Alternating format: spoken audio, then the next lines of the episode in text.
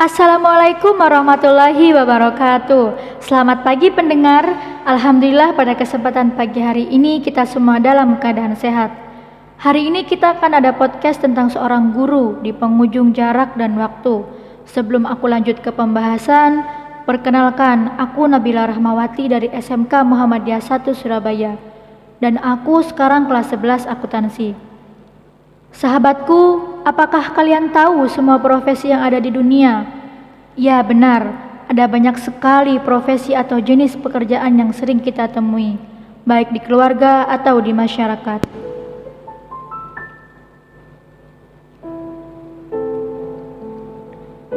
Kita semua tahu, dokter, polisi, tentara, pengusaha, arsitek, perawat, pilot, petani, itu adalah sebuah profesi.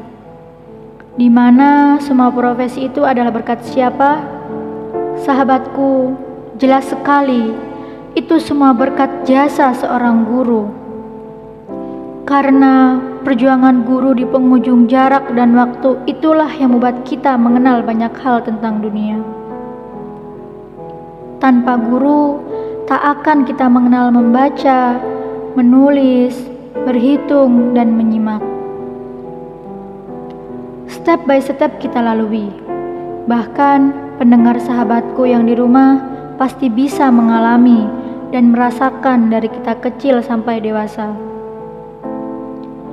Di jenjang profesi kita sekarang, yang kita pijaki dan kita duduki itu adalah berkat jasanya tanpa mengenal batasan.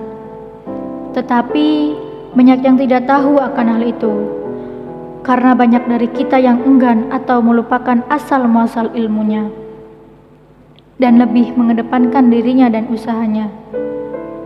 Tanpa mengingat jasa gurunya yang telah banyak memberi ilmu dan pengalamannya di penghujung jarak dan waktu. Sahabatku, di tahun ini adalah tahun yang paling sulit terutama di bidang pendidikan. Karena adanya pandemi COVID-19, pandemi COVID-19 berimbas pada semua bidang. Semua merasakan, baik di lapisan kalangan atas, menengah, dan ke bawah, yang menjadikan terhambatnya aktivitas mata pencaharian sampai berakibat pengangguran. Tetapi Berbeda dengan pengorbanan seorang guru di masa pandemi COVID-19, masih tak pernah padam. Sekolah ditutup entah sampai kapan, sehingga interaksi guru dan murid terbatas. Sahabatku, tahu nggak? Di luar sana, terutama di daerah luar Jawa dan pedalaman, banyak sekali guru yang rela berkeliling rumah murid satu persatu untuk memberikan materi pelajaran. Jadi, kita masih beruntung hidup di tanah Jawa. Akses internet masih terjangkau dan fasilitas pendidikan memadai. Terkadang, pembelajaran daring pun membuat kita bosan karena kita menggunakan aplikasi baik Google Classroom, Zoom, Google Meet, dan WhatsApp. Tetapi pada intinya penghujung jarak dan waktu bukan halangan di mana, bagaimana, apa pun kondisinya, kita harus semangat dan terus optimis untuk belajar. Guru aja tidak pernah bosan dan malas mengajar kita. Mereka senantiasa sabar dan ikhlas. Bagaimanapun pandemi bukanlah halangan karena seorang guru akan senantiasa mengabdikan dirinya demi bangsanya hingga di penghujung jarak dan waktu. Karena di waktu apa pun kita berada dan dalam situasi tersebut, kita akan mendapati jasa guru di dalam sanubari kita. Tugas pendidik modern bukanlah menebang hutan, tetapi mengairi gurun.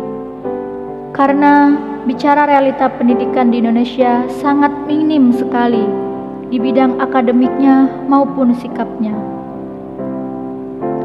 Jadi seorang guru harus bisa menjadi air untuk memberi kehidupan di setiap jenjang pendidikan, baik playgroup, TK, SD, SMP, SMA, dan bahkan perguruan tinggi.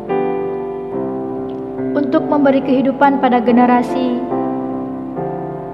haruslah berkorban tenaga, pikiran, dan juga waktu.